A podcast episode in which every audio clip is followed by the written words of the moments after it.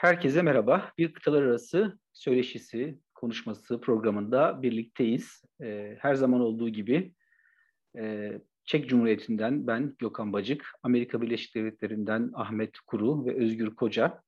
Üçümüz programı e, yapıyoruz. Programa başlamadan önce şunu hatırlatmak isteriz. Bu programın video çekimleri kıtalar arası sitesinde ve Twitter adresinde e, sesli olarak ise Ahval tarafından e, podcast olarak yayınlanıyor. Bu iki mecrada programa ulaşmak mümkün. Dönüşümlü olarak bu hafta moderator olma sırası bende ve geçmiş programlardan hatırlanacağı üzere genel olarak e, her bir kişinin yaptığı bir çalışma, kitap veya bir konferans metninden hareket çıkıyoruz. Bu haftaki konumuz Ahmet Kuru'nun yazdığı bir rapor ve bir makale. Bu e, makale ve rapor aynı zamanda son derece önemli bir e, yıl dönümüne denk geldi. 20, e, 11 Eylül'ün 20. yılı, 20. yıl dönümü. 11 Eylül bir dönemi başlattı, dünya siyasetini etkiledi, İslam-Batı ilişkilerini etkiledi, teorileri, ders programlarını bunu tartışmaya çalışacağız. E, Ahmet Kuru bir tane makale yazdı Kantara'ya. Bu makale daha ziyade yapılan yanlış stratejik batıdaki sorunlar, iki taraf arasında İslam ve Batı arasındaki ilişkiler nasıl çözülebilir, batıda yaşayan Müslümanlar. E, ikinci veya birinci ise e, Tony Blair, eski İngiltere Başbakanı'nın e, batıda bir gelenek olarak emeklilik döneminde kurulduğu Amerikan başkanlarının yaptığı bir vakıf. Dünya siyasetine etkili olmak, etkisini sürdürmek için bir e, vakıflaşma. Tony Blair Vakfı'na bir rapor yazdı. Bu raporda da İslam dünyasının sorunlarını tartıştı. İşte Ulema Devlet İttifakı'nı, e, bu konuda neler yapılabilir, alanların ayrışması gibi kavramlar bunlara biraz sonra gireceğiz. Burada önemli olan şu, o konuda da e, dinleyicilere birinci elden bilgi vermek lazım. Bu rapor yazıldıktan sonra Ahmet Kuru, e, eski İngiltere Başbakanı'nın talebiyle Tony Blair ile de bir görüşme gerçekleştirdi. Bu son derece önemli. Hem kıtalar arası için fevkalade önemli, hem de e, sosyal bilimin, kabul görmesi, e, yani insanların eser, çalışmalarının karar alıcılar, uluslararası aktörler tarafından dikkate alınabileceğini, sosyal bilimin muteber bir mecra olduğunu göstermesi için hepimiz için son derece önemli. Ben şimdi sözü Ahmet Kuru'ya vereceğim usul olarak. Daha sonra her zamankisi e, formatta. E, şunu soracağım. Birincisi eğer içeriği tabii off the record değilse bu Tony Blair görüşmesiyle ilgili bize biraz bilgi verebilir misin? İkincisi de bu iki raporu kısaca bize makaleyi ve raporu özetledikten sonra e, şu soruyu ben sormak istiyorum. Daha sonra Özgür Hoca da muhtemelen e, tartışma paralel bir soru soracak. Şimdi e, özellikle Kantara makalesinde işte Batı'nın Irak müdahaleciliği, 11 Eylül'den sonra e, kutuplaşma bunları ayrıntı olarak ele alıyorsun. E, burada şöyle bir hisse yani bu yazdıklarını ilgi çekici buluyorum. Önemli tartışmalar. Fakat bir taraftan da uluslararası sistemde Batı ve İslam dünyası arasında bir tıkanıklık söz konusu değil mi? Yani bu söylediklerimizi söyleyenler de var. Tartışmalar devam ediyor. Bu kadar bir süreç geçti. İşte Afganistan çok sembolik bir hadise. 11 Eylül 20. yılında radikal bir örgüt aldı bir devleti işte hakim oldu. Burada bir e, tıkanmışlık yok mu? Yani burada acaba bu tıkanmışlığı e, daha derin nasıl tartışabiliriz? Veya bir tıkanmışlık görmüyor musun? Bunu bu şunun için önemli. Bir tıkanmışlık yoksa aktörlerin hataları, bir strateji geliştirememeleri. Yani aslında teorik bir çözüm var. Fakat aktörler bunun hakkını yerine getirmiyor. Buradan başlayabiliriz sevgili Ahmet Kulu. Çok teşekkürler Gökhan Bacak. Ee, özetlemek gerekirse e, malum benim iki kitap var. Biri laiklik bir de en son İslam. Bu İslam kitabı değişik Müslüman çevrelerde ilginç bir şekilde e, kabul gördü. Arapça, Farsça, Endonezya çevirisi. Şimdi de Malezce, Urdu ve Bengali var. Bosnak, Boşnak en önce gelecek. Ve buna paralel bir batıda ilgi ardından geldi. Yani ben Amerika'da olmama rağmen, kitabın Cambridge'de çıkmasına rağmen e, batıdan çok önce Müslüman dünyadan bir ilgi geldi. Değişik sebepleri var. Bu zaten daha önce konuştuk. Batılılar ardından ya bu kitap niye Müslüman dünyada ilgi görüyor diye ilgi göstermeye başladılar. Bir sebebi, bir sebebi de şu. Senin dediğin yani güzel özetinde önemli nokta bir tıkanıklık ve arayış var. 20 yıl önceki Batı değil ve Türkiye ve benzer Orta Doğu ülkelerinde zannedildiği gibi Batı her şeyi bilen, tanrıvari, gizli komplolarıyla bütün dünyayı yönlendiren bir İngiliz-Alman komplosu yok. Kafa karışıklığı var, şaşkınlık var, arayış var. Mesela Fransız televizyonu beni ilk kitabım hani laiklik o yüzden söyledim. Macron'u eleştirmek için çağırdı. Üç gün önce de BBC World News ana haber bülteninde beni davet etti. Ben önce gene İslam kitabı zannettim. Yo hayır biz sizi Fransız laikliği için çağırıyoruz dedi. Fransız laikliği ilgili bir makaleniz var. Onu eleştirir misiniz? Bunun yanlışları nedir? Ben de Amerika Fransız tipi laiklikler ki bu bir gün bu programda ele alalım. Türkiye'de laiklik yeniden güçlenecek. Bu Fransız Amerikan tipi tekrar gündeme gelmeli. Ama bunların hepsi gösteriyor ki bir arayış içindeler. Yani Fransa'nın yanlış yaptığını, Müslümanlara yönelik politikalarında hatalar olduğunu ve ne yapılacağı konusunda bir ciddi bir arayış var ve senin dediğin gibi sosyal bilimlere önem veriyorlar. Ve senin bahsettiğin Kantara makalesi de Kantara Deutsche Welle meşhur İngilizlerin BBC'si diyelim. Göte Enstitüsü ve Dışişleri Bakanlığı'nın bir projesi. Müslümanlarla köprü. Zaten Kantara'da köprü demek. Ve benden istediler 11 Eylül sonrası bir yazı. Halbuki 20 yıl önceki Batılılar 11 Eylül gibi kendileri için bir medeniyetler trajedisi olan bir şeyi Müslümanlardan istemezlerdi. Yani biz Müslümanlar olarak bu kadar merkezli bir e, etkimiz, rolümüz yoktu. Ve ben onlara dediğin gibi 11 Eylül sonrası yapılan hatalar ve bir çözüm. Ne olabilir bu çözüm? Ve bu çözümü de o makalede ilginç bir şekilde Müslüman dünyayla Batı arasında bir çözüm zor olmakla beraber tıkanıklık. Batı'da Müslümanlar var. İşte sen Çek Cumhuriyeti'ndesin Avrupa'da, biz Amerika'da. Bizim çocuklarımız buralarda büyüyecek. İlla Batı ile ilişkileri Amerika, Türkiye değil. Amerika'daki Türk, Müslüman, Arap, Müslüman kökenli insanlar düzeltebilir İslam algısını ve büyük rolleri var. Makalede ben bunu vurgulamaya çalıştım. Ve bu konuda da aslında önemli bir model Yahudiler. Mesela Yahudilerin Batı toplumundaki etkisi İsrail'den kaynaklanmıyor. Tam tersi bildiğiniz gibi İsrail bir sonuç. Asıl etki diaspora. Bilimde, sanatta, akademideki Yahudilerin etkisi. Müslümanlar bunu yaparsa benim bir önerim bu. Kantara makalesi de buydu. Ve son olarak e, raporla bitireyim. Çünkü o şumullu olan o 13 bin kelime. Kantar makalesi bin kelimelik bir şey. O da şöyle oldu. 6 ay kadar önce e, beni davet ettiler. Bize bir rapor yazar mısın? Kitap önemli. Biz bunu atıfta yapıyoruz. Bu kitabı böyle bir batılı e, policy maker yani e, karar vericilere tavsiyelerde bulunan bir rapora dönüştürebilir misin? Daha akademik olmayanların da anlayacağı bir dille.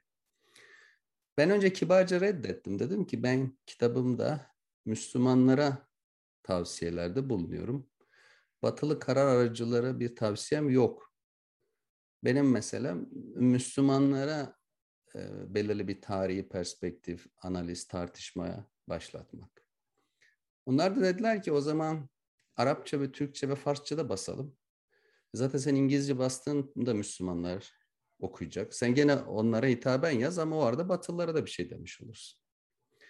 Bu şekilde bir altı ay kadar geçti. Hani ben biraz daha kitabın Müslümanlar tarafından tartışılmasını bekledim. Biliyorsun Türkiye'de de komplo teorileri çok. Farsça çevrilince İran ajanı oluyorsun. E, Tony Blair basınca İngiliz muhibbi oluyorsun. Hep bir şey oluyorsun yani olmadan. Hatta bana Pak Ahmet diyorlar. Endonezya'da Pak böyle işte hani bilgin Vay. adam gibi bir şey. He. Bir arkadaş dedi ki aman duymasınlar Pak Rudini Ahmet derler. Bak buradan da buradan da bir lakap vereyim yani isteyenler kullanabilir. Nasılsa nefret söylemi bol et hominem etek yardımcı olalım. Çünkü Ahmet Tuzu Kuru bayatladı artık. Komik de gelmiyor. Şimdi e, ondan sonra ben raporu yazdım çok da bir üzerinde detaylı çalışılıyor biliyorsunuz. Yani 5-6 editör dili vesaire ama tabii ki içeriye karışmak söz konusu değil. Zaten akademin senin dediğin gibi sosyal bilimin bir etkisi varsa o da bağımsızlık. Ki zaten ben ulema devlet ayrımını eleştirirken entelektüel bağımlılığı bir sorun olarak görüyorum. Hani dilin edit edilmesi dışında hiçbir müdahaleyi ben karıştırmam. Yıllarımı vermişim yani. Kimse analizime karışacak hali yok. E, zaten sizlere de gönderdim basmadan birçok arkadaşla paylaşıp feedback, görüş, eleştiri alıyoruz o ayrı. Ondan sonra dediğin gibi kısaca ona da temas edeyim. Dediler ki işte Tony Blair görüşmek istiyor. 30 dakikalık bir Zoom görüşmesi video ayarlandı. E, raporu okumuş. 6-7 tane soru çıkarmış. E, off the record değil yani kısaca değinebilirim. E, çok bana hazırlıklı geldi. Ve hani ulema devlet kavramı, ulema devlet ittifakı sence güçleniyor mu, zayıflıyor mu? Endonezya, Malezya'da durum nedir? MBS Suudi Arabistan'da bir reform yapmaya çalışıyor. Bunun belirli bir kalıcı sonucu olur mu, olmaz mı? Ee, Batı dünyasına ne öneriyorsun? Batılılar ne yapmalı? Hatta şunu da dedi senin çalışman İslamcılıkla İslamofobi arasında bir orta yol arayışı. Ben de dedim sizin de bir ara third way vardı. Üçüncü yol kapitalizmle sosyalizm arasında hmm. ona benziyor. Yeni sol. Aynen. Hep işte bir sentez arıyoruz. Raporda da e, kısaca onu söyleyip bitireyim. E, benim argüman tarihsel olarak e, Batılıların da Müslümanların da öğrenmesi gereken bir şey. İslam'ın siyasi bir proje olmadığı ve İslam'da din devlet ayrımı yoktur. Din devlet ayrımı sadece Hristiyan'a aittir görüşünün çok yanlış olduğu. Batı Avrupa 4-5 asır son derece marjinal, karanlık çağda iken devlet ve din beraber olduğu, sonrasında bir şekilde bir kaza eseri veya bir çatışmanın sonucu din devlet ayrımı müesseseleşmeye başlayınca batıda dinamik entelektüel ve ekonomik sınıfların ortaya çıkıp Rönesans, reform ve aydınlanmayla beraber ilerlemeyi sağladığı.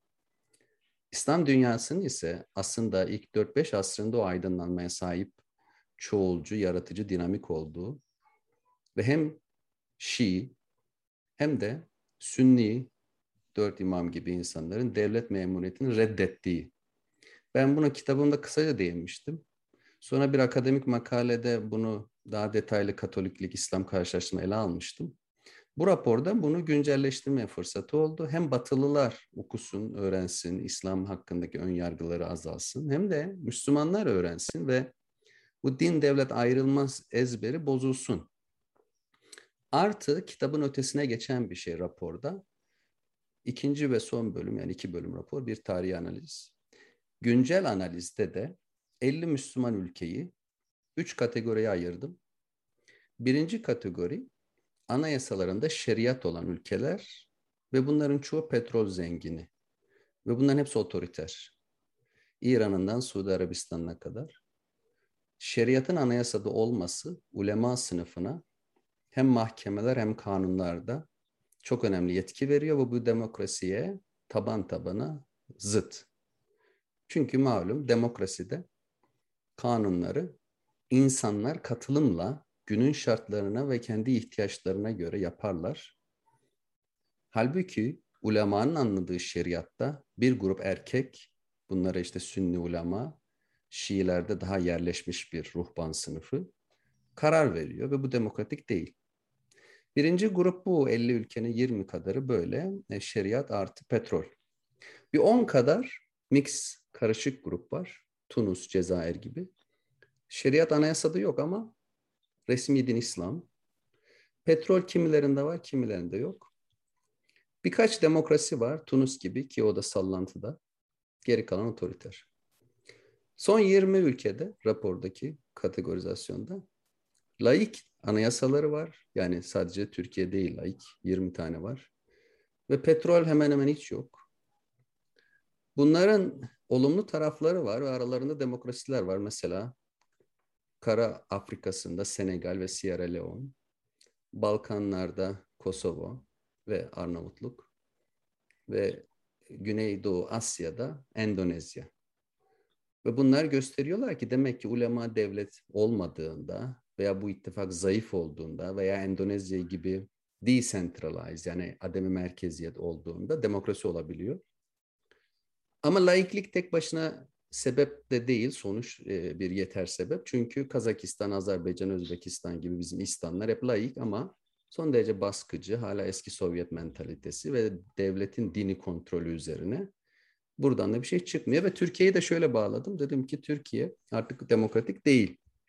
Freedom House dediğimiz özgürlükler evi dünyanın e, bir data bankası.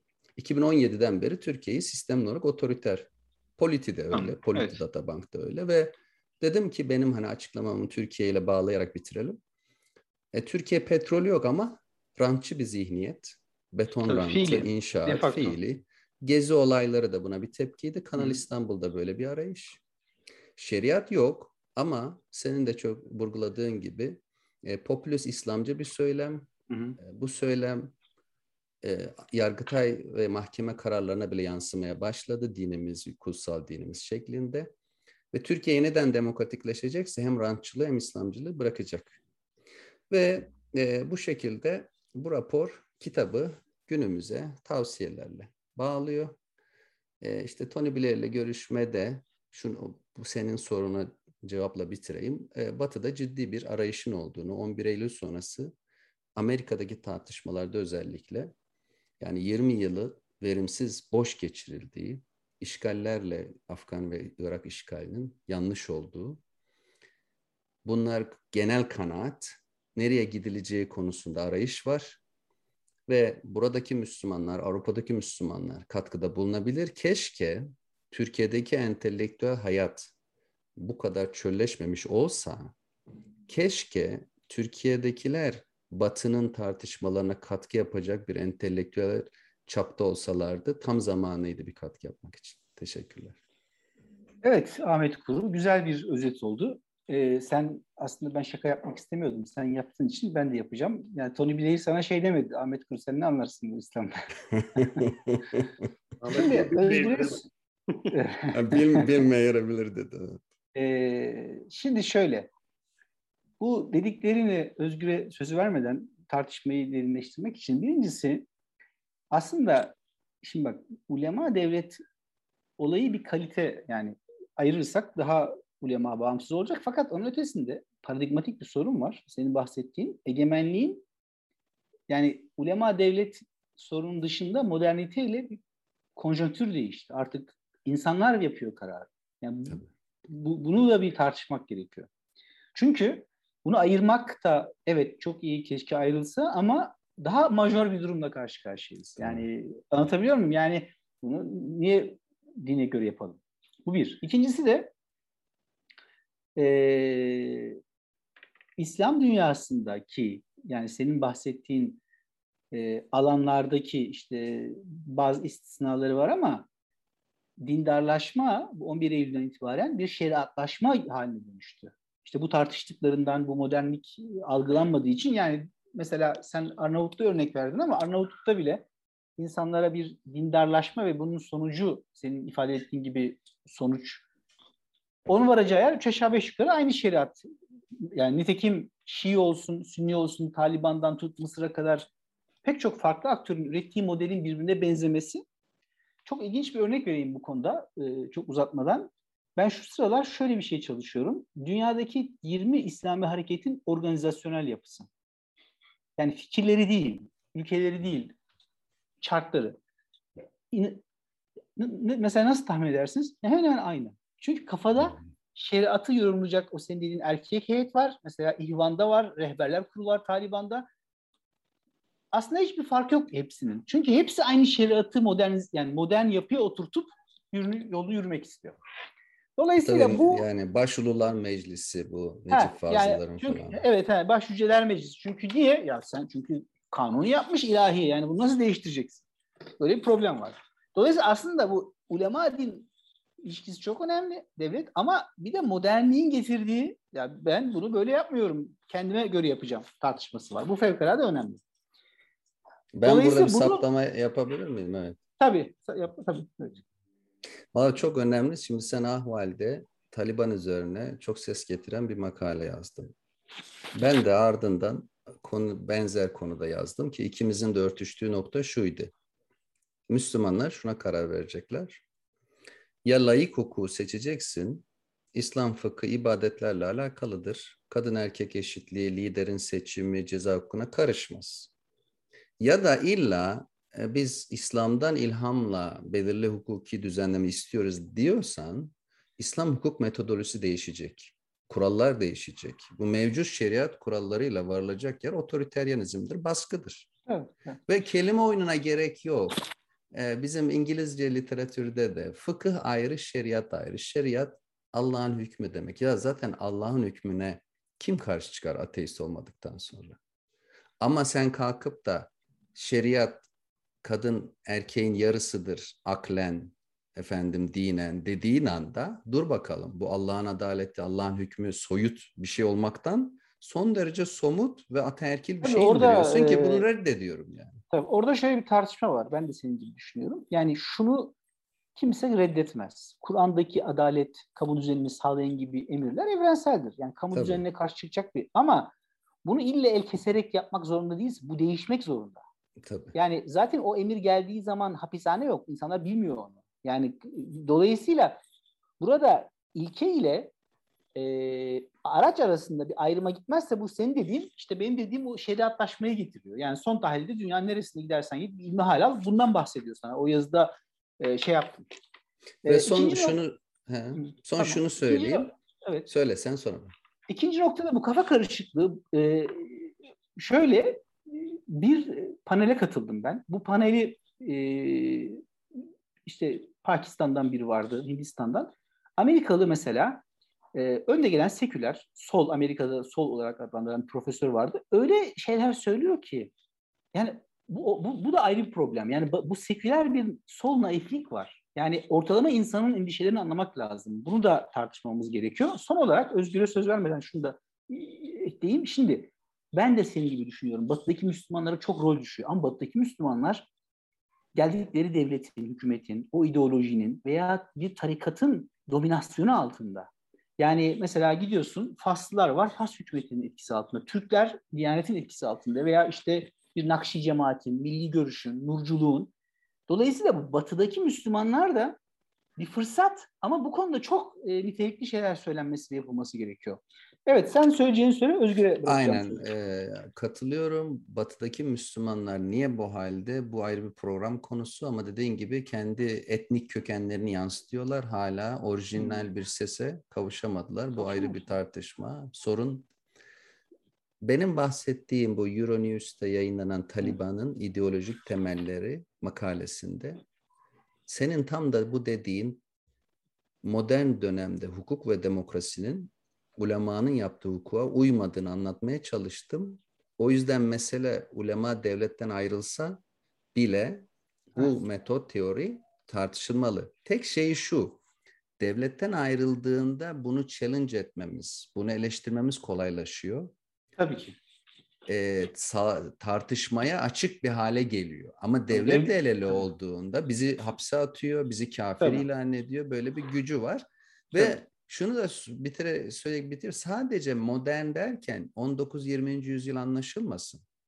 15. asırda Tabii erken modern. He, yani benim gördüğüm şu, Müslümanlar hastane ve rasathane gibi kurumları bulup insanlığa katmada çok başarılılar. Ama parlamentoyu bulamamışlar. Parlamento kavramı yok.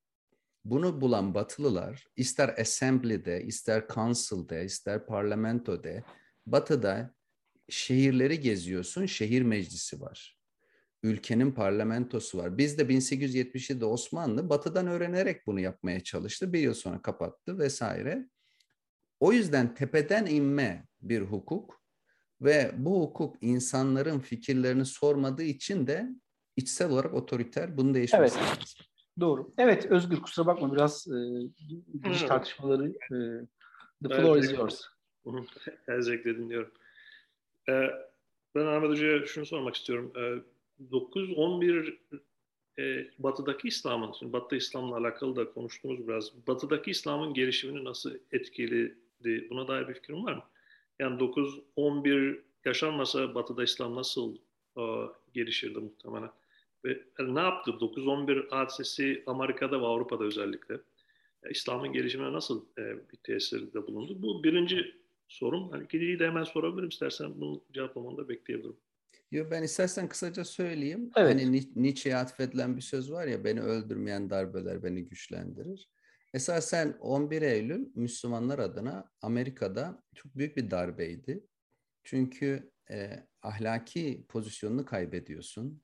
Neticede bu terörist eylemleri yapanlar Müslüman olduğu için başını öne eğme durumunda kalıyorsun. Ama böyle bir otokritik düşünme, e, meseleleri analiz etmeyle beraber değişik kitaplar yazıldı. Mesela Mücahit Bilici'nin de bir kitabı var. 11 Eylül sonrası Müslümanlar İslam'ı Amerika'da nasıl anlamaya başladılar konusu üzerine. Ve e, esasen belirli bir başarı kaydedildi. Mesela 11 Eylül ardından e, Manhattan'da bir cami yapalım dendiğinde veya İslami merkez çok büyük tepki almıştı. Time dergisi de Is Isla Amerika İslamofobik, Amerika İslamofobik mi başlığıyla çıkmıştı. Halbuki geçtiğimiz haftada Newsweek 11 Eylül sonrası Müslümanlar Amerika'da çok güçlü bir pozisyon elde ettiler başlığıyla çıktı. Çünkü baktığında şu an Amerikan Kongresi'nde üç tane Müslüman üye var. İkisi çok aktif. Birisi ilk başörtülü üye, öbürü ilk Filistin asıllı üye ve Amerika'da şu an hiç görülmediği kadar İsrail'in Filistin politikaları eleştirilebiliyor. E, sporda, sanatta, bilimde Müslümanlar son 20 yılda önemli mesafeler kat ettiler Amerika'da 11 Eylül'den sonra. Bunun 11 evet. Eylül'ün e, var ettiği atmosferle yakından alakası var sanırım değil mi? Yani Müslümanlar derken aralarına herhalde bir mesafe koyma zorunluluğu hissettiler çünkü Amerika'da yaşıyorsunuz sonuçta. Veya işte dinler arası böyle e, iletişimler çoğaldı sanki. İnsanlar e, en azından bazı e, platformlarda. E, ve de e, sanırım Müslümanların da kendisini e, ifade etmesine en, son, en sonunda e, farklı kanallardan izin verildi gibi görülüyor. Yani medyadaki varlıkları daha arttı sanki. Hasan Minhaj'dan tut işte e, pek çok isim e, bayağı önde. E, Hollywood'daki varlıkları e, hakeza e, çok daha rahat pozisyon bulabiliyorlar gibi yani sanırım epey bir şey var orada herhalde ee, düşünmemiz gereken. Avrupa'da nasıl oldu mesela Gökhan Bacık? E, Tabii, katılıyorum Özgür. Yani 11 Eylül'den sonra kısa yani şöyle bir, bir kısa bir dönem yaşandı bu İslam sorunu. Sonra e, bu sert eleştirilerden sonra hepimiz biliyoruz ki işte Müslümanları yanlış anlamamalıyız. Biliyorsunuz çok dramatik hadiseler oldu. İlk defa Müslüman sanarak öldürülen bir Hint, Sih veya Hintli çıktı hatırlıyorsunuz. Yani evet böyle hadiseler.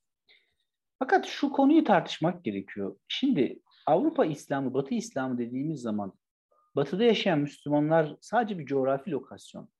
Ee, Avrupa'daki İslam, Avrupa şartlarında bir fıkıh, Avrupa şartlarında bir teoloji, Avrupa şartlarında bir kadın.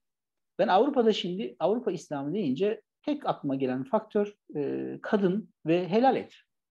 Yani bunun veya işte mescid, cuma. Bunun dışında Avrupa yani buraya gelen insanlar Yozgat'tan geldiyse Yozgat İslam'ını getiriyorlar buraya. Veya Bursa'dan geldiyse Bursa. Veya Faslar vardı Belçika'dayken. Dolayısıyla biraz bunu yani buradaki insanların Avrupa'yı bilerek Avrupa'ya entegre olarak oradan bir İslam teorisi geliştirmeleri gerekiyor. İslam bir şey söylemeleri gerekiyor. Sanırım şey... Aslında İslam tarihinde de böyle olmuştur biliyorsunuz. Mesela şöyle örnek vereyim. Gazali'nin öldüğü döneme gidelim. Biliyorsunuz o zamanlar kısa bir süre kopuyor ama Kuzey Afrika e, Emevilerin geç döneminde bir isyan oluyor. Tekrar Abbasilere katılıyor. Bir batı var orada. Orada işte İspanya, İbn Tufeyl onların algısı bambaşka. Bir Arap merkezi var e, Mısır etrafında. Bir de Pers-Türk etkisi üç bölüm var. Yani üçe böl Bunların hepsi farklı. Daha sonra biliyorsunuz işte Endonezya o kısım ortaya çıkıyor. Afrika'da Thomas Arnold'un kitabı var. Yani aslında İslamiyet Bence güçlü döneminde Ahmet Kur'un dediği dönemler ve gelişme döneminde bir gücü de şuydu. Yerelleş, yerel sentezler yapmaktan çekinmiyordu. Yani buna buna yüksünmüyordu. Nitekim bu fıkıhta zenginlik üretti, kültürde üretti. Seyyahların kitaplarını okuyorum ben şu sıralar. Adam Müslüman mesela e, gittiği yerlerdeki farklı İslam algılarına şaş, şaşırıyor mesela. Yani onu yani o zenginliği üretebilmiş. Şimdi buradan şuraya geleceğim. Batıdaki Müslümanların e, biz Türkiye'den işte filan cemaatiz, filan tarikatız. Gelirken buraya şu kitapları getirdik şeyhimizin, Gavs'ın ya işte üstadın. Hadi bakalım bunları Avrupa'ya okutalım mı? Olmaz. Yani bu, buradaki algıya göre bir İslam, yani bence hakikaten bu çok önemli. Avrupa'da yeni bir jenerasyon var, üniversiteye giden Müslümanlar var ama bunların kadın, demokrasi, çevre bu konularda bir Avrupa'yı İslam'ı söylemeleri gerekiyor. Onlar getirdikleri bagajlarındaki İslam'ı Avrupalılara anlatmaya çalışırlarsa Avrupa bunu refüze ediyor. Kabul etmiyor bunu. Açık net söyleyeyim. Türkiye'den haksız da değil yani. Tabii haksız da değil. Yani Tabii. daha önce bunu söyledim. Yani Tabii. E, sizin getir yani Şimdi, siz, e, dolayısıyla Avrupa'da hani ümit verici bir belki çaba olarak İngiltere'de ben Abdülhakim Murat, e, Timothy Winter e, bu Cambridge'de kurduğu enstitü çerçevesinde güzel ha, şeyler gibi evet, duruyor. Geçen podcast'ın Murat da evet. epey de etkili bir insan İngiltere'de herhalde daha böyle indigenous dedikleri yani bizzat kültürle barışık. o muhtedi bildiğim kadarıyla değil mi zaten? Evet, yani o zaten evet. Müslüman olduğu için. Amerika'da da benzer çalışmalar var sanırım yani kültürün, lokal kültürün, lokalleşmenin önemini idrak etmiş insanlar ve bu usta mesela müzikten tut, giyim tarzına işte architecture yani mimariye kadar yeni yapılan buildinglerde lokal e, şey, taste, e, zevkleri dikkate alan Doğru. E, bir arada yürümeye çalışan falan değişik çabalar var. Ama onlarda e, yani genel amaç şunu da onu da gözlemliyorum bazen.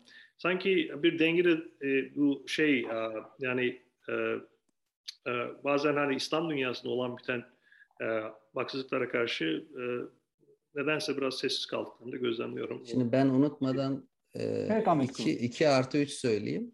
Gökhan Bacık'tan Özgür Hoca'ya gideyim. Şimdi iki nokta da çok önemli. Bir, İslam tarihinde aslında yerelleşme, adaptasyon çok güçlü ve dediğin gibi ilk 4-5 asırda bir kendine güven var. Yunan'dan alıyor, Fars'tan alıyor, Hint'ten alıyor. Aşağılık kompleksi yok. Günümüzde devamlı bir korku, kompleks, ezilmişlik. Birileri plan yapıyor, proje var. Aman aramıza sızdılar, içimize girdiler. Onlar işte gizli projeler. Bir bu. İkincisi de e, öyle bir obsesif ortodoksi anlayışı var ki e, bu ulemanın muhafazakarlığı, tarikatların muhafazakarlığı mimariye de yansıyor. İşte yaptığımız camiler ortada. Lokal e, kültüre uyum sağlayan bir mimari yerine e, bin yıldır aynı e, Ayasofya'dan öğrendiğin kubbeli camileri yapıp duruyorsun. Hiçbir estetik kaygın, orijinalite, yaratıcılık yok. Sanki bu hayata gelip sıradan yaşayıp risk almadan ölmek için yaratılmış varlıklarız. Hiçbir konuda bize denilenin dışında bir milim adım atma, konuşma hakkın yok. Yapanlar da susturulur, kötülenir, et hominem attack dediğimiz linç edilirler. Şimdi başka bir konu, e, Avrupa'da aslında e, bu işin teorisini yapmaya çalışanlar oldu. Mesela Tarık Ramazan Radikal Reform kitabında Evet. Ya helal ete kafayı taktınız. Halbuki e, hayvanlar ha, e, ahırlarda e, gayri tabiat şartlarda e, e, besleniyorlar. Asıl organik şeye önem verilmeli. Mesela sadece herif olması falan diyordu. Ama hem Tarık Ramazan hem benzeri birçok ismin özel hayatlarında çok büyük problemler ortaya çıktı. Şimdi bunun detaylarına girmeyeceğim de onlar da ayrı bir hayal kırıklığı ve batılı Müslümanlarda büyük bir hayal kırıklığı. E, olayın bir boyutu hani teori bir boyutu da kişisel liderlik iddiasındakilerin bu garibayetleri. Şimdi Özgür Hoca'nın dediği üç noktada kısaca temas edeyim. Bir evet 11 Eylül'den sonra radikallerle araya bir mesafe koyma ihtiyacı geldi. Böyle bir çarpışma ve şok olana kadar da radikalleri marjinalize edemiyorsun. Benim 2015'te Mavi Yorum ilk başlattığımızda muhafazakarla ağıt diye bir yazım vardı. Orada demiştim ki en büyük hatalarımdan birisi yobaza yobaz dememiş olmak. Niye? Ya işte kibar olalım, nazik olalım, ya fikir özgürlüğü, çeşitlilik diyorsun. Yobazın, fanatiğin, radikalin hepsini işte bunlar da Müslüman, bu da bir yorum diyorsun. Ben geçenlerde he, Clubhouse'da Seyit Kutup'u eleştirdim. Kaç kişi bana Seyit Kutup'u nasıl eleştirirsin? Ya Seyit Kutup Milestones Yolların Ayrımı diye korkunç bir kitap yazmış. Şiddeti övmüş bir adam. Bunu da hoş göreceksem benim demokrasi, liberalizm adına hiçbir iddiam kalmaz. Ha, 11 Eylül'ün bir faydası bu radikallere sonunda ya bunlar yobaz radikal deme durumuna bazı Müslümanlar geldi. İkinci bir şey Özgür Hoca'nın dediği gibi bir dinler arası diyalog, Hartford semineri de birçok yerde Amerika'da böyle bir Müslüman Yahudiler bir araya gelip fikir alışverişi. Üçüncüsü de Amerika bu Müslümanlara daha çok e, özellikle makul Müslümanlara, radikal olmayanlara biraz daha e, zemin verelim dedi. Şimdi burada son diyeceğim şey şu. Aslında Türkiye'ye önemli bir rol biçildi 11 Eylül'den sonra. Bunu şimdi ben komplo olarak söylemiyorum. Gayret doğal bir şeydi. Ben de olsam öyle yapardım. Dendi ki ya bu madem radikalizm yükseliyor, e, alternatif olarak NATO üyesi, demokratik, e, Müslümanlığı böyle bir Selefi, Vehhabi çizgisinde değil, Hümeyni Şii radikalizmde değil, Osmanlı'dan gelen emperyal vizyonu var, 150 yıllık parlamento tecrübesi var, 100 yıllık laiklik tecrübesi var, iyi kötü bir demokrasisi var. E bu Türkiye hakikaten bir etkisi olursa faydalı olur dünya barışı adına. Ve maalesef Türkiye'deki bütün gruplar efendim e, İslamcılar bunu kendi İslamcı ajandalarına bir basamak yaptılar. Resmen sahtekarlık yaptılar. Tabi tabi biz çok demokratız, Avrupa Birliği, o kadın erkek, homoseksüelleri de seviyoruz, ateistleri de deyip böyle bir sahtekarlıkla bunu İslamcılığa taşıma planı. Kemalistler de böyle bir içselleştirdikleri batı düşmanlığıyla vay bizi ılımlı İslam devleti yapmaya çalışıyor. Ya kardeşim sen bunun teorisini yap. Laikliği güçlendir. Sana kimse laikliği bırakma dedi. Batılılar kalkıp Türkiye'ye laikliği bırakma dedi. Ben hep tekrar ettiğim bir şey var. Benim laiklik kitabım yazdığımda kendimden önceki en önemli kitapla angaja olmak istedim. Niyazi Berkez'in 1960 kitabı. 11 Eylül sonrasında Türkiye hakikaten demokratik, laik, Müslümanların da özgür yaşadığı, kalkınmış, müreffeh bir Avrupa Birliği ve NATO üyesi. Ha, Batılıların çok hataları var. Ben bunu inkar etmiyorum. İran işgali, Afganistan işgali, Merkel ve Sarkozy'nin Türkiye'nin AB üyesine alınmasını reddetmesi gibi. Ama bununla beraber e, bir şekilde Türklere hiçbir şey beğendirilemedi. Yani bizim genel tavrımız e, o olmaz, bu olmaz, şu olsun, o da olmaz. E, ne istiyorsunuz yani? Anlatabiliyor muyum? Yani 11 Şimdi Eylül bu, sonrası Türkiye büyük bir jeopolitik fırsatı tepti. Evet aslında şöyle e, yani salt İslamcıları da aşan bütün aktörleri boyutuyla maalesef o fırsat gitti. Şimdi şöyle de bir sorun var. Belki onu da konuşmak lazım. Yani Batı-İslam ilişkilerinde.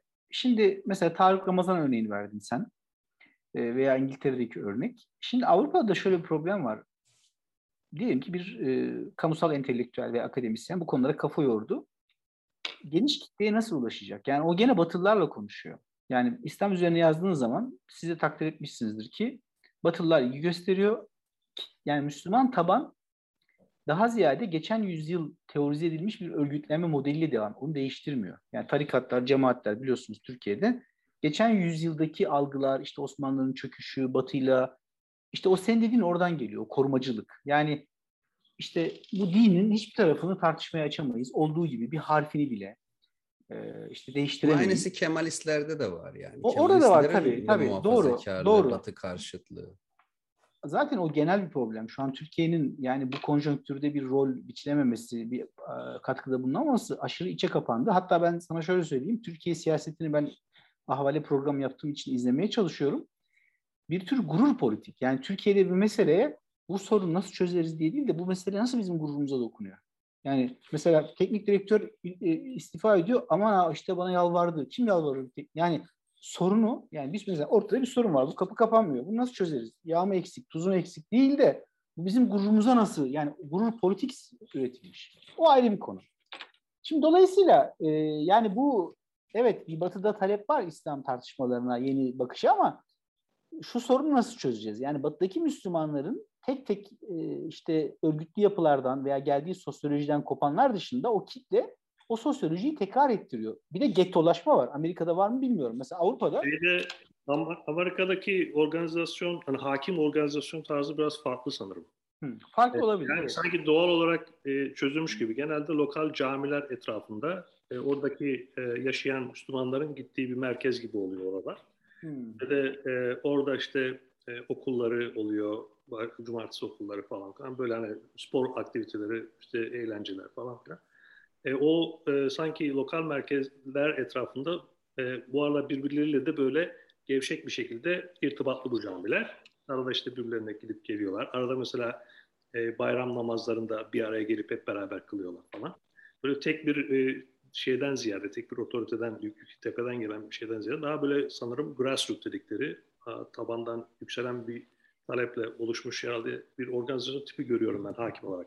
Bununla beraber Amerika'ya dışarıdan gelmiş olan cemaat ve grupların e, oradaki yapılarını, burada da kurduklarını da görüyoruz ama yani Amerika İslamı diyeceğimiz asıl belirleyici olanın organizasyon, organizasyon tipi sanırım böyle bir şey. Birbiriyle loosely yani gevşek bir şekilde e, e, ilişkili camiler ve de işte merkezler gibi.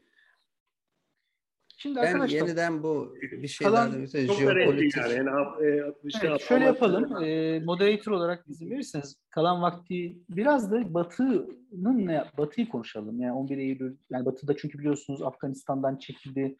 Bir strateji de geliştiremiyor. Hatırlarsın Ahmet e, Özgür bir kısım insan e, Sovyetler çöktükten sonra İslam'ı tanımlayalım dedi. Bir kısım İslam şimdi mesela Biden yönetimi Çin'i tanımlayalım diyor. Yani bu geçen 20 yıl zarfında Batı şu an nasıl bir strateji geliştirecek? Yani Afganistan hadisesinden sonra İslam dünyasıyla mesela e, daha pragmatik ilişki kuruyor Amerika işte Türkiye ile. Yani Türkiye'nin artık yok İslam yorumuymuş, demokrasiymiş buna çok dikkat etmek yerine onunla işte pragmatik ilişkileri ikame edil, gerçekleştiği sürece dolayısıyla Batı'nın da İslam konusunda bir paradigma problemi var. E, bunu da biraz tartışmamız gerekiyor.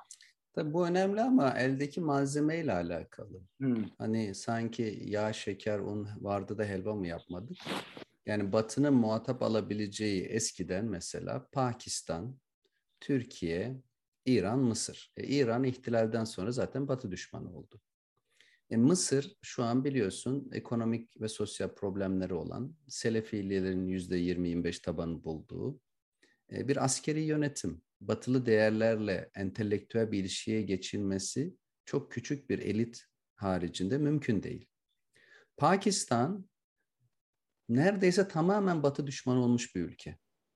Yani radikalizmin son derece güçlendiği, e, Taliban'ın orada kazanmasına sevinen, e, şu an başbakan olan e, eski İmran kriket e, İmran Han, eski kriket sporcusu Dünyada batıyı benden iyi bilen yok.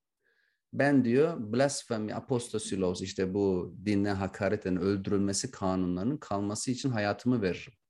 Bu kadar demagog ve popülist bir şekilde İslamcıları oynayan birisi.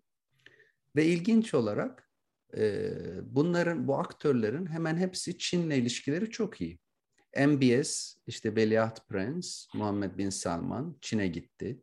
Pakistan ilişkileri iyi, Türkiye aşıyı alıyor Çin'le ilgili ve 10 milyon Uygur'a bir etnik temizlik uygulayan, 1 milyonunu temerküz kamplarında tutan bir rejim, Taliban da en iyi Çinli olduğunu açıklıyor. Bu şunu gösteriyor demek ki. Taliban Müslüman... eleştirir canım Çin'i. Yani İslam'ın bir rejim geldi Afganistan'a. Herhalde Çin'deki Müslümanların konu sorunuyla ilgilenecek He, Taliban. Ama bu tabii güzel bir espri oldu. E, çünkü ahlaki bir tutarlılık kaygıları yok. Güç peşindeler. Bir de şeriat obsesyonu. Yani görünüşteki bir şeriatı güçle hakim kılmak için e, ahlaksızlığa, prensipsizliğe evet diyebilen bir mentalite. Ve sonuçta Batı'nın Müslüman ülkelerle entelektüel bir ilişkiye girecek zemini yok. O yüzden yani Batı'yı suçlamakla beraber ben nereden başlanabileceğini bilmiyorum yani. Şimdi burada arkadaşlar şöyle bir problem de var. Şimdi biz yapılardan bahsediyoruz, kaliteden yorum, İslam fıkı.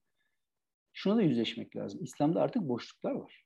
Bu bir boşlukları olan paradigma. Yani mesela ben İstanbul Müftülüğü'ne gitsem 14 hafta çevre anlatacağım İslam'a göre desem herhalde bana çay içirip bir iki paradigma, aforizma, işte kıyamet kopsa da fidan dikin.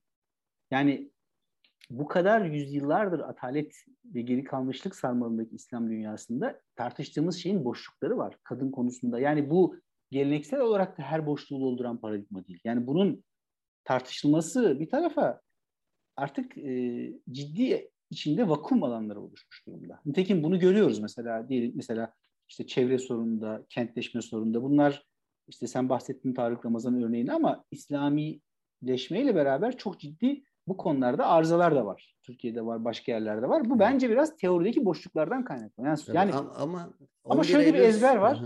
E, şunu söyleyeyim Ahmet Kuru. Yani bu tartıştıklarımızın ötesinde bir de her şeye cevap verir. Her şey var yani. Çok basit. Yani böyle bir fırsat olsa. Halbuki şöyle bir örnek vereyim. Ee, İstanbul'da bir sokak, 100 metre sokak kesit alsanız burada kaç tane e, işleyen kural vardır? Çevre kuralları, kablonun standartı. Bu konuların hiçbiri yok artık İslam düşüncesinde. Yani ta orada kalmış bir şeyi tartışıyoruz. Dolayısıyla evet, ama toplumun yarısı senin dediğin, diğer yarısı olan seküler kesim, muhalif kesim, CHP iktidara geldiğinde bunlar Batı'yla nasıl bir ilişki kuracaklar? Şimdi o yani, da Tabii o bizim şu programda hani direkt konumuz o değildi ama haklısın. Ama yani konumuz zaten, o. o tabii, ama bak yok. 11 Eylül sonrası Batı doğru, İslam dünyası doğru, ilişkisi hayır, Türkiye zaten, bağlamında İslamcı olmayan tabii. Türkler Batı ile ilişkileri nasıl kuracaklar ve Batı ile sağlıklı bir ilişki olmadan Türkiye'nin yeniden demokratik ve layık olacağını hayal ediyorlar mı? Şimdi bunu bilmiyoruz. Bak şöyle bir sorun var. Bir şeyle yüzleşelim. Madem Türkiye'yi konuşacağız kısaca. Bak Türkiye'deki kavga İslamcılık ve Kemalizm arasında. Bunun kazanan liberalizm olmaz. Ya kaybedenin komünizm olmaz. Yani maç sahada iki takım maç ediyor. Biz bunun hangisini kazanacağını bekleyeceğiz.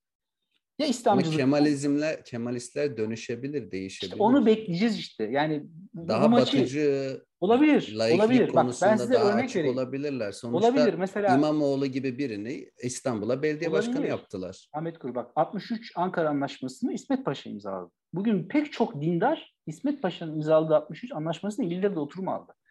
Ben şunu demiyorum. Yani bu ortada bir maç var. Yani önce şunu altını çiziyorum. Türkiye'deki kavga liberallerle İslamcılar arasında değil. Kemalistlerle İslamcı değil mi? Bunu tartışmıyoruz. İsmi böyle yani. Buradan Kemalizm galip çıkarsa seçimle tabii. O zaman bakacağız Kemalizme. Yani bu Kemalist paradigma bize yeni bir batıcılık önerecek mi? Yoksa işte çağdaşlık ve hayat tarzı hakkında laiklik işte senin dediğin gibi gösterip batıya şüpheyle mi bakacak? Bunu bilemiyoruz. Yani ama ama yani şu anki eleştirilerimizde sadece Müslüman ve İslamcı kesimi merkeze koyarsak bir sabah kalktığımızda tabii ki. Kemalistler aynı kafayla geldiklerinde dejavu ben sana bir şey söyleyeyim. Bak. Türkler derler ya az gittik uz gittik bir arpa boy yol gidemedik. Ama ben sana bir şey söyleyeyim. Bak çok basit simülasyon yapıyoruz hepimiz değil mi? İyi Parti, Saadet Partisi ve CHP'nin Türkiye iktidarını aldığını düşünelim. Ermeni o hadiseler üzerine bir değişiklik bekliyor musunuz? Hayır. Böyle bir şey bek beklenemez. İyi Parti'nin iktidar bileşeni olduğu bir Türkiye iktidarında Kürt meselesinde bir yerelleşme bekliyor musunuz? Ben beklemiyorum. Yani zaten şunu söylemek istiyorum. Türkiye konusunu konuşuyorsak beklentilerimizin bir gerçeklik marjına oturması gerekiyor. Yani bu iktidarı eleştiren bileşenlerin belli konularda ne yap yapamayacağı da az çok belli aslında. Ama benim de noktam şu, konuşurken İslami kesibi dönüştürebileceğimizi, değiştirebileceğimizi düşünüyoruz. Bence seküler kesimi de Evet. Ben düşünüyorum. Ha, ben evet. düşünüyorum. Bence seküler kesimin değişmesi lazım. Muhakkak. Seküler kesimin teorik şeyi çok zayıf. Atatürk liderliği dışında bir vizyonları yok gibi. Ne ders aldılar son 20 yıldır, neleri öğrendiler bunu ortaya koymalılar. Türkiye'deki her kesim başkalarını kötü, kendini sütten çıkmış ak kaşık görmeyi bırakmalı. Ve seküler kesimin yapması gereken bir şey bu programın konusu olan Batı ile Amerika ile ilişkilerini yeniden sağlıklı bir zemine oturtmalılar. Ona hiç şüphe yok. Katılıyorum. Kendilerini yani evet, seküler, kes, seküler kesimin aldığı ders çok haklıydık oldu herhalde bunda. Ha, buradan bir şey ben, çıkmaz ama. Ben o zaman burada, o zaman bak, Türkçe ben, program yapmayı hayır, bırakalım. Bakın. Hayır, eğer ben, buysa bundan sonra İngilizce yapalım. Türkçe ben şunu diyorum, yapmayalım. Ben Ahmet Kurun'un dediklerini kabul ediyorum. Yani benim de beklentim o yönde. Yani eğer Türkiye'de kavga İslamcılar ve Kemalizm arasında ve Kemalistler buradan galip çıkıp değişmeyeceklerse DRTP az gittik. Ben sadece şunu demek istiyorum. Bunun cevabını bilmiyoruz. Ben bunu söylemeye çalışıyorum size. Yani benim de benim de e, yani Türkiye'deki seküler siyasetten beklentim yeni bir paradigma, Kemalizmin yeniden yorumlanması falan filan. Ama e, bunu istersen, bekleyip göreceğiz. Evet, bunu istersen programın sonu... Benim ümidim de, benim ümidim de bu çerçevede. Sanırım ha, e, bu süreçte bekleyeceğiz. muhafazakarlar da sekülerler de belli dersler almış olarak Bence, çıkacak. bence daha şöyle bir, söyleyeyim. ortak zeminde sanırım bence bu. bugün itibariyle bu konuda olumlu da olumsuz da sinyaller alıyoruz. Yani Kemal Kılıçdaroğlu'nun işte ittifak bunlar olumlu sinyaller. Ama bazı olumsuz sinyaller de alıyoruz. Dolayısıyla bu çok zor. Yani bunu hipotetik olarak öngörmek çok zor. Ee, yani Ama konjonktür pozitif- önemli. Evet, Konjonktür pozitif dönem olarak mesela- iki şey var. Birincisi dediğin gibi Kılıçdaroğlu, Mansur Tabii. Yavaş, İmamoğlu yani aday seçiminde ekmek Ekmelettin aday göstermeleri bunlar önemli değişim sinyalleri. Bir de dediğin gibi bundan sonra Türkiye koalisyon. Evet, Yani- koalisyon. Yani tek adam, İslamcı bir tek adamda, Kemalist bir tek adamda Türkiye'de demokrasi getirmez. Zaten bak e, son ben moderatör olarak izin verirseniz şöyle kapatayım. Bu Türkiye hadisesinde Ben bir hepimiz... şey daha sormak istiyordum. Ömer. Tabii tabii. So, tabii o zaman tabii ben şunu söyleyeyim. Şunu ders çıkardık. Bence ahla- siyasal ahlakı evet bireysel olarak önemlidir. Yani ahlaklı insanlar belediye başkanı olsun. Ahlaklı insanlar kaymakam olsun. Bununla yetinmemek lazım. Ahlakı bir mekanik düşünce olarak görüp düzen kurmak lazım. Yani adam isterse ahlaksız olsun ama sistem ona izin vermesin. Bu da ancak Türkiye'de gücün dağılmasıyla mümkün olabilir. Yani Türkiye'de bundan sonra eğer biz bu yaşadıklarımızı yaşamak istemiyorsak istik gücün temerküz etmesini engellemesi gerekiyor. O yüzden koalisyonun olması çok ümit verici. Yani güç ne kadar bölünürse, ne kadar dağılırsak o kadar iyidir. O ahlakı. Eskiden şöyle bir algı vardı bizde. İşte dindarlık, iyi olmak, tahsil yapmak, okumak, dürüst olmak iyi olur. İşte bunlar gelsin iyi olur. E olma, olmuyor işte. Yani çok iyi eğitim almış, seküler muhafazakar da olsa eğitimli biri daha sofistike yolsuzluk yapabiliyor. Gücün bölüşülmüş olması Türkiye'de AKP sonrası olasılıklar açısından faydalı bir şeydir. Ama ben yine de şunu söyleyeyim. Yani Kemalizmin Kemalizmin ben içinde bir tartışma olduğunu gözlemliyorum. Fakat bunun nereye gideceği konusunda belli paradigmalar orada tartışılıyor. Onu göreceğiz zamanla. Özgür. Evet, evet. Evet Özgür. Ben konuyu birazcık daha farklı bir alana çekeceğim arada. Siyasetten daha teolojiye doğru. Yani Ahmet Hoca'ya bir soru sormak istiyordum. Aa, Vaktimiz müsait oldu mu cevap- Tabii tabii bir soru alalım. Aha. Ş- şimdi Ahmet Hoca yazdığın e, çok güzel o yazıda Şafii e, paradigmanın sorunlarından bahsediyordun. Yani e, eğer o metodu kullanırsak e, ana metinlerden e, üretebileceğimiz şeyler işte e, belirli ve de sonra da e, karşımıza büyük ihtimalle bir otoriterlik şey. Şimdi orada e, hukuki bir sorundan bahsediyorsun e, yalnız. E, yani Şafii sonuçta İmam Şafii bir fıkıhçı, hukukçu. E, meselenin teolojik boyutu da var mı sence? Yani teolojik paradigmada da e, sonuçta Şafii de bazı teolojik varsayımlardan hareketle bunlar söylüyor. Mesela örnek verecek olursam ulema ve state meselesi. Ulema state alliance dediği şey. Bugün hakim din algısı, hemen benim gördüğüm hemen her yerdeki hakim din algısı bizzat bu alliance'ın peygamberin zatında gerçekleştiğini düşünüyor. Yani ulema ve state, yani bu iki e, prototip peygamberin zatında bizzat hem dünyevi iktidar hem de uhrevi iktidar e, peygamberin zatında bizzat mecz olmuş, cem olmuş, bir araya gelmiş gibi bir algı var. E, dolayısıyla şimdi burada bu teolojik varsayım. E, yani peygamber algısıyla alakalı teolojik bir varsayım. Prophetology dedikleri şey İngil, İngilizce'de. E, böyle bir teolojik algı var. Mesela başka bir örnek vereyim. E, cennet ve cehennem algısı. İşte, e, İngilizce ismiyle gene eschatology dedikleri şey. Yani cennet ve cehennem. Şimdi siz eğer e, kendinizi e, cennete gidiyor görüyorsanız ve de kendiniz dışında çok büyük bir grubu da cehennemlik falan görüyorsanız sanki onlara karşı yapacağınız otoriterce e, baskılar e, onları bir kurtarma çabası gibi de görünebiliyor gözünüze. Yani onlar aslında siz iyi bir şey yapıyorsunuz gibi de tanımlayabiliyorsunuz. Bakın bu gene bu teolojik bir varsayım ve bunun sonucu e, bir otoriterliğe doğru götürebiliyor. Yani öbürküne karşı sonuçta baskıyı meşrulaştırıyorsunuz bu teolojik varsayımlarla. Şimdi iki örnek verdim mesela. Değil mi? Yani birisi ulema ve ile alakalı, peygamber algısıyla alakalı bir varsayım. Bunlar çok e, belirleyici teolojik e, prensipler, varsayımlar. E, ortalama olarak da bunlarla alakalı bir e, bir icma da var gibi duruyor yani. Genel, genel anlayış en azından bu. E, yani Şafii'yi de aşmıyor mu problem sizce bu, bu açıdan? Sanki yani Şafii meselenin bir yönü gibi duruyor. Ee, ve de hani veya üretilmiş olan hakim metodoloji meselenin bir yönü gibi duruyor. Sanki onun dışında e, meselenin teolojik bir boyutu da veya metafizik diyebilirsiniz arzu ederseniz. Valla çok sağ ol. Bu en Siz, aldığım en zor soru bu. Teşekkür ederim. Endonezya'da da çok bunu soruyorlar. Tony Blair de aynı soruyu sordu. Yani İslam'ın bir kendi dini duruşu var ister kelamda, ister fıkıh, sen dediğin gibi dini, teolojik, tarihi, neticede hep söylenir. Hz. Muhammed Aleyhisselam e, bir ordu ve bütçeye sahip devlet adamıydı. İsa Aleyhisselam'ın böyle bir şey yoktu.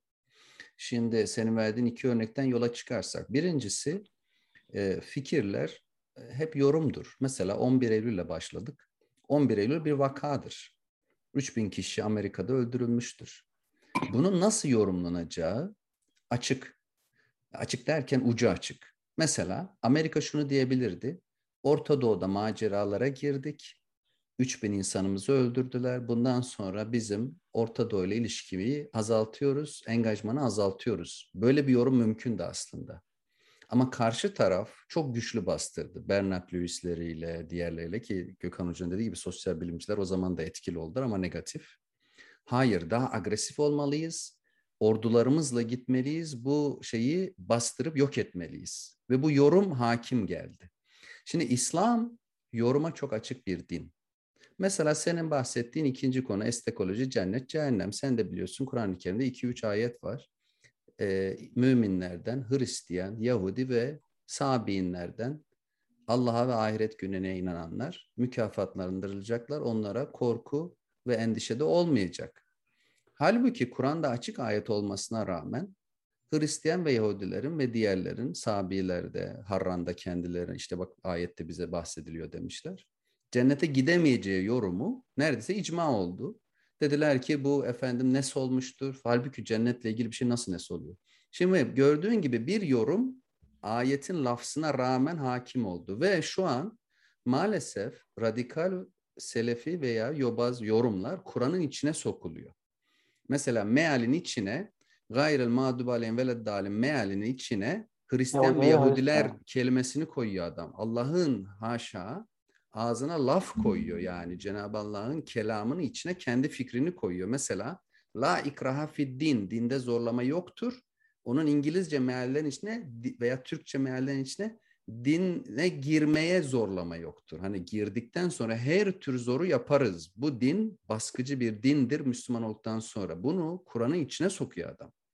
Şimdi gördüğünüz gibi bu yorum meselesi ve cennet cehennem aslında çok farklı yorumlanabilir.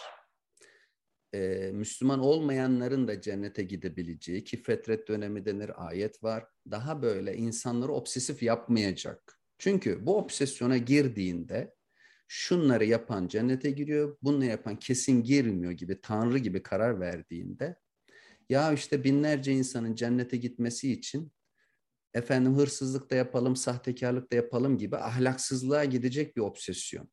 Ama bu yanlış yorumun sonucu. Bunu bir tarafa bırakalım. Sorunun asıl özündeki şey Hazreti Peygamber'in şahsiyeti.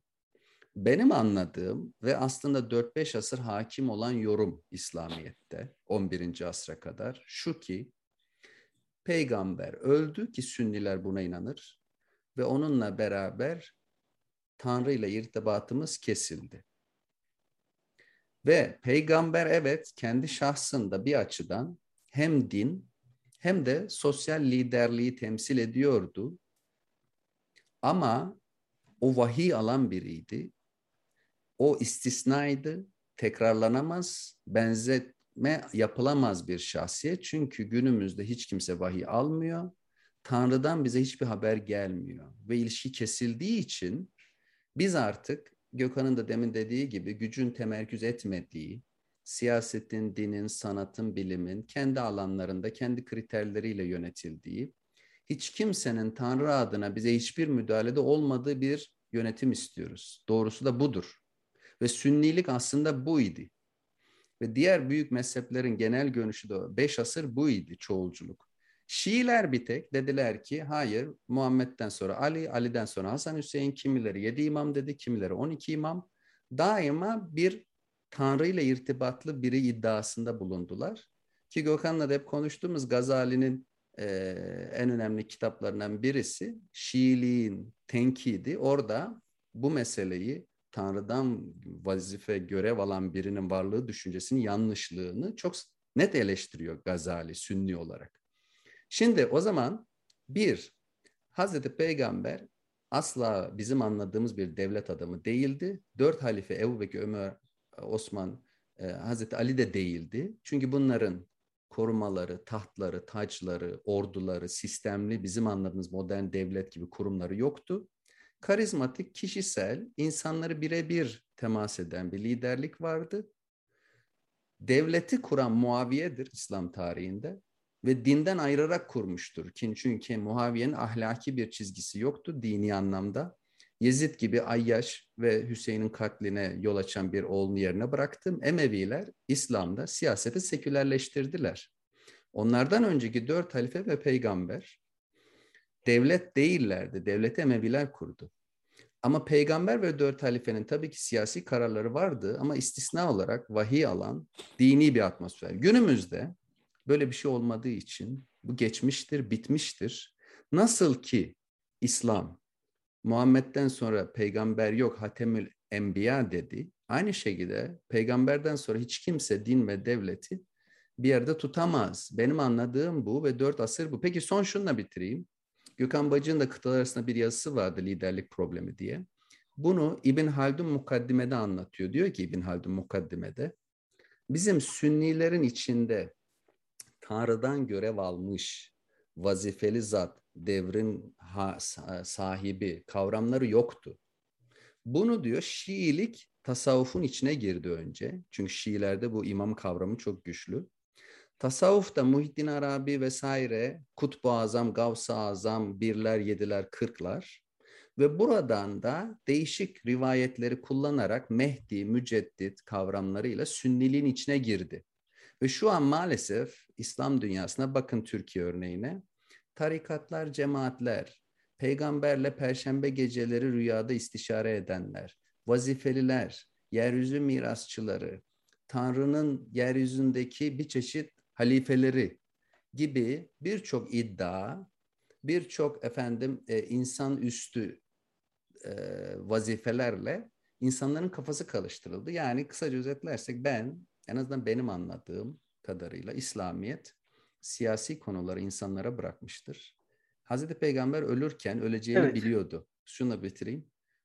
Öleceğini biliyor olmasına rağmen yerine bir varis bırakmadı. En azından biz böyle kabul ediyoruz. Ee, Şiiler Ali diyor. Eğer İslam siyasi bir proje olsaydı yerine bir varis bırakırdı. Şimdi ben buradaki önemli noktanın şu olduğunu düşünüyorum. Bu bir söylem e, yarışı. Kurun dediği gibi. Çünkü başka bir de diyebilir ki e, düzenli bir vergi, işte divan kurarak mesela Muaviye'den önce Ömer döneminde devlet kurulmuş olabilir diyebilir. Mesela Montgomery Watt'ın Devlet Adamı Muhammed diye bir kitabı var biliyorsunuz. Yani burada önemli olan şu, birkaç söylem olabilir. Çünkü yüzde yüz geçmişi bir şekilde yorumlama imkanı yok. Burada bir söylemi tahkim etmek gerekiyor. Aynı şekilde aynı söylemi işte İslam tarihindeki bazı hadiseler var. O konuda yapmak lazım. Öbür türlü söylemi tahkim etmezseniz o yerleşik söylem yüzde yüz doğru gibi hakim oluyor. Son olarak yanlış hatırlamıyorsam Risale'de Şafi, Özgür'ün sorusuna yorum yapmak istiyorum. Bir ceza Kur'an'da ve peygamberin yaptığı gibi. Yani ben Özgür'e hak veriyorum. Şafi fıkıhçı olmakla birlikte İslam dünyasında iki büyük teolojik miras bırakmıştır. Birisi Sunni usulü, hadis ve fıkıh usulünün metodolojisi Şafi'den geliyor. İkincisi şunu unutmayın. Eşariliği taşıyan e, bir agency'dir. Yani takdir edersiniz ki itikatlar halk tarafından bilinmez aslında teorik olarak. Bir şey üzerinden onlar ona etki altına alınır. O yüzden Şafii'nin hakikaten çok teolojik bir mirası olduğunu daha önce bunu söylemiştim. Bir mezhep imamı olarak Şafii'ye bir şey demem. Ama e, kuru örnek verdiği için klasik dönemde İslam düşüncesinde en büyük e, negatif mirası Şafii'nin bıraktığını, modern dönemde de Seyyid Kutbu'nun bıraktığını düşünüyorum ben. Yani bu ikisinin mirasının Gazali'nin çok ötesinde olduğunu düşünüyorum. Evet biraz uzadı. E, konular... E, Tek şeyle e, şey yapılır mı? Ben Tabii Özgür. Buyur. Tamam, çok Tabii sağ ol. Kuru, ben de katılıyorum sana. Peygamberin örneğinin tekrarlanamayacağı hususunda. Evet. Tekrarlansa bile çok bu e, küçük bir örnek olarak kalacaktır. Dolayısıyla yani bir kaide olamaz. Şu şey yani çok uzattık biliyorum ama yani, Kuru'nun söylediğiyle alakalı e, sanırım şu şunu da anlamamız gerekiyor. Yani mesela tasavvufla alakalı kuru e, bir şeyler ifade etti. Ben tasavvufun etkisi hakkında yani değişik yani daha kompleks olduğunu düşünüyorum açıkçası. Hatta dini bir nevi apolitize ettiği için belki ulema ve devlet arasındaki ayrımı kolaylaştırabilecek pek çok öğretisi olduğunu da düşünüyorum. O yüzden daha pozitifim e, o açıdan. Onu paylaşmak istedim. Bir de sanırım bu 20. yüzyılda özellikle son dönemlerde karşımızda olan şey e, Şafii meselesini de aşmış gibi geliyor bana. Çünkü yaşadığımız Doğru. neredeyse e, global bir e, selefizm gibi. Mesela şu Taliban örneği bunu sanırım daha iyi şey yaptı. Talebi sonuçta Hanefi bunlar.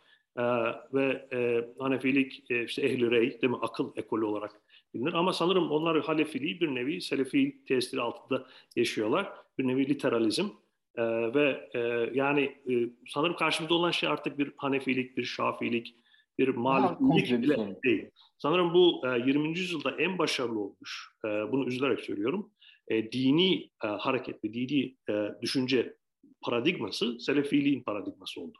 Bunda petrol paralarının, sonra İslam dünyasının yaşadığı krizin, e, modernite krizinin, e, ezilmişliğin verdiği e, bütün bunların tesiri olabilir. Çünkü bir sığınma ideolojisi gibi. Krizlerin olduğu zaman e, sığındığın bir yer gibi. Sanırım e, karşımda olan şey biraz da bu. Yani Selefi meselesi de. Yani sanki e, Şafii ve belki yani Ahmed İbn Hanbel'in temsil ettiği o ekolle alakalı da sanırım düşünmemiz e, gerekiyor. Yani e, sanırım daha başka şeyler de var. Evet. Ben bununla evet. Frame gerçi yeni bir şey sanki yeni bir rabbit oldu. Güzel oldu Özgür. Başka şey oldu değil mi? Evet. Ee, değerli arkadaşlar. Ses kesildiği için sözünü kestim kusura bakma. Yok yok. Tamam. Evet. Bitti benim bittim. Evet. Bunu söylüyorum. Evet. Bence güzel bir noktayla tamamladın Özgür. Ee, evet. Bir kıtalar arası e, söyleşimiz, tartışmalarımız sona erdi. E, sona erdiriyorum çünkü insanlar diyecek ki Gökhan moderator yapamıyor bu işi. evet. Ee, yeni bir kıtalar arası konuş, e, konuşma söyleşisinde, tartışmasında tekrar birlikte olana kadar herkese e, selamlar, saygılar, sevgiler.